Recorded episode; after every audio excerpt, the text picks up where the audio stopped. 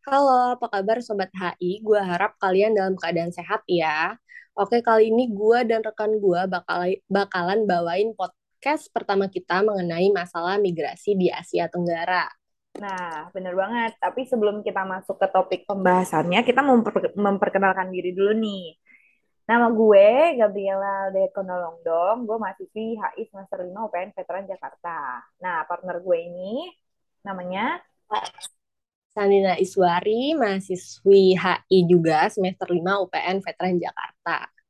Uh, Oke, okay, jadi gue ada beberapa pertanyaan pertanyaan nih terkait topik yang bakal kita bahas dan bisa sharing juga buat teman-teman HI. Uh, eh, kalau sepengetahuan teman-teman HI nih, apa sih sebenarnya migrasi sendiri tuh khususnya dalam lingkup HI nih ya? Hmm, kalau dari gue sih, migrasi internasional itu merupakan perpindahan penduduk dari suatu negara ke negara lain. E, migrasi yang merupakan masuknya penduduk ke suatu negara disebut imigrasi. Sedangkan sebaliknya, jika migrasi itu merupakan keluarnya penduduk dari suatu negara disebut emigrasi. Oke, gue sih setuju sama konsep definisi imigrasi lo ya. Tapi sekedar berpendapat nih ya, kalau menurut gue, uh, migrasi itu sesuatu yang nggak bisa kita hindarin. Apalagi di zaman sekarang nggak sih? Kayak fenomena globalisasi yang di mana tuh masyarakat dunia udah bisa tahu kapan pun apa pun di mana pun informasi di seluruh dunia pokoknya lebih gampang. Dan akhirnya untuk pindah dari suatu negara ke negara lain juga lebih gampang ya kan? Iya benar banget. Uh, jadi di sini tadi kan mengenai migrasi internasional nih sekarang membahas tentang perbedaan antara migrasi nasional dan migrasi internasional. Jelas jawabannya kalau migrasi nasional itu adalah perpindahan penduduk dari satu tempat ke tempat yang lain tetapi masih dalam satu negara. Sedangkan migrasi internasional itu kayak yang udah dijelasin tadi nih, adalah perpindahan penduduk dari satu tempat ke tempat yang lain tetapi dalam beberapa negara. Jadi simple bisa dibilang perbedaannya, cuma beda tempat doang gitu gitu. Iya bener bener bener bener bener. Nah namanya nasional ya kayak di Indonesia aja kayak dari Pulau Sumatera ke Jawa gitu. Nah kalau internasional kayak dari Inggris ke Australia kan jauh banget tuh ya. Nah tapi kalau hmm. kalau lo tuh penasaran gak sih sama migrasi di kawasan kayak contohnya kawasan Asia Tenggara gitu. Kawasan kita kalau yang gue tahu ya kawasan Asia Tenggara tuh bisa dibilang aktif banget ya dalam jalur migrasi internasional apalagi jadi tempat untuk transit sebelum pengungsi akhirnya bisa sampai di negara pemberi suaka. Contohnya Australia, tetangga kita tuh. Oke, gue mau jawab dan kasih tahu sedikit juga nih tentang migrasi di Asia Tenggara sendiri.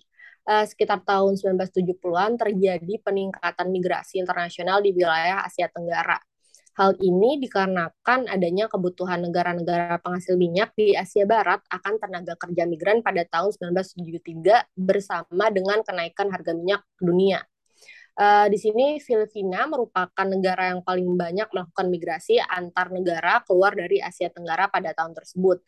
Lebih dari dua per tiga pekerja yang berasal dari Filipina mendapatkan kerja di Asia Barat atau sekitar 29 ribu orang dari 42 ribu orang pekerja. Uh, migrasi internasional di sini juga awalnya hanya dipandang sebagai salah satu macam mobilitas penduduk dalam memenuhi tantangan hidup serta merupakan hal yang berkaitan dengan pribadi masing-masing. Uh, sejak terjadinya krisis ekonomi pada tahun awal abad 20 atau tepatnya pada tahun 1997 yang juga menyebar di daerah Hong Kong, Indonesia, Malaysia, Filipina, dan Republik Korea. Di sini pemerintah menjadikan pengiriman migran internasional sebagai salah satu strategi bertahan di saat krisis melanda. Uh, migrasi internasional oleh negara berkembang kemudian dipandang sebagai suatu strategi kebijakan yang ditempuh untuk mengurangi masalah perekonomian negara. Kebijakan pengiriman migran bahkan dijadikan sebagai salah satu rencana pembangunan bagi negara berkembang sebagai respon keberadaan renitan yang hadir dari proses migrasi internasional. Wah, keren banget sih, parah. Migrasi itu bisa bantu perekonomian negara ya. Tapi hmm, Asia Tenggara tuh populer banget gak sih? Kayak, kalau lo tau gak sih, atau teman-teman deh tahu ada dua tipe sistem migrasi di Asia Tenggara itu sendiri. Yang pertama itu migrasi bermukim. Dari pengertiannya aja ya, bermukim itu udah pasti durasinya cukup lama. Dan biasanya periodenya itu sekitar lima tahun. Nah, lalu yang kedua itu uh, sistem migrasi kontrak kerja. Yang ini tuh mengacu pada tenaga kerja. Gitu aja sih. Coba deh, lu bisa nggak sih kasih satu contoh uh, kasus migrasi di Asia Tenggara? Bisa dong. Nih ya, gue ambil kasus diplomasi migrasi di Asia Tenggara, yaitu kasus Malaysia, Thailand, dan Indonesia. Boleh, di sini proteksi pengungsi uh, merupakan norma yang relatif baru di Asia Tenggara, yang mana belakangan ini ASEAN menghadapi tekanan dan dorongan untuk mengadopsi nilai-nilai universal HAM yang memiliki konsekuensi isu hak asasi pengungsi dan pekerja migran di Asia Tenggara yang mendapatkan perhatian kritis. Akan tetapi di sini kebanyakan negara Asia Tenggara mengidentifikasi dirinya sebagai negara transit non-imigran yang mengutamakan kedaulatan terhadap teritorinya. Walaupun terdapat organisasi regional, regional yang menaungi negara-negara ASEAN, penanganan pengungsi dilakukan melalui kerangka hukum domestik dan unilateral. Regionalisme Asia Tenggara dibangun atas norma non-interferensi dan kedaulatan teritorial yang sangat kuat mengingat konteks pasca kolonial negara. Uh, sebagai dampaknya nih, perspektif keamanan menjadi dominan dalam perkara pengungsi di kawasan. Pengungsi dianggap sebagai ancaman terhadap keamanan nasional seperti terhadap identitas, stabilitas, hingga penyebab meroketnya tingkat kejahatan. Uh, perbedaan kultur di sini, uh, utamanya perbedaan kultur dan agama ya. Pengungsi Indochina misalnya dijadikan sebagai justifikasi ancaman nasional karena dianggap berpotensi menyebabkan konflik antar etnis di Malaysia. Uh, selain dianggap sebagai beban ekonomi, negara-negara Asia Tenggara seperti Singapura enggan menerima pengungsi karena beresiko mengganggu kestabilan politik dan sosial. Uh, ketidakmampuan ASEAN dalam bertindak cepat di, cepat itu disebut sebagai hal yang paling memalukan uh, akhirnya di sini negara-negara anggotanya terdesak tekanan internasional untuk mengadakan pertemuan tiga negara yaitu antara Indonesia, Malaysia, dan Thailand yang akhirnya setuju menerima pengungsi Rohingya yang sementara. Wah, emang sih ya namanya menerima pendatang atau penduduk dari negara lain itu nggak semudah yang kita bayangin. Apalagi bukan cuma satu orang, pasti lebih banyak orangnya. Walaupun sebenarnya ASEAN itu sendiri udah punya instrumen nih terkait migrasi. Gue sebutin ya, yang pertama hmm. itu ada nih pasal 13 dari Deklarasi ASEAN atau biasa juga disebut Deklarasi Cebu pada tahun 2007 tentang perlindungan dan dukungan hak-hak pekerja migran khususnya untuk negara pengirim.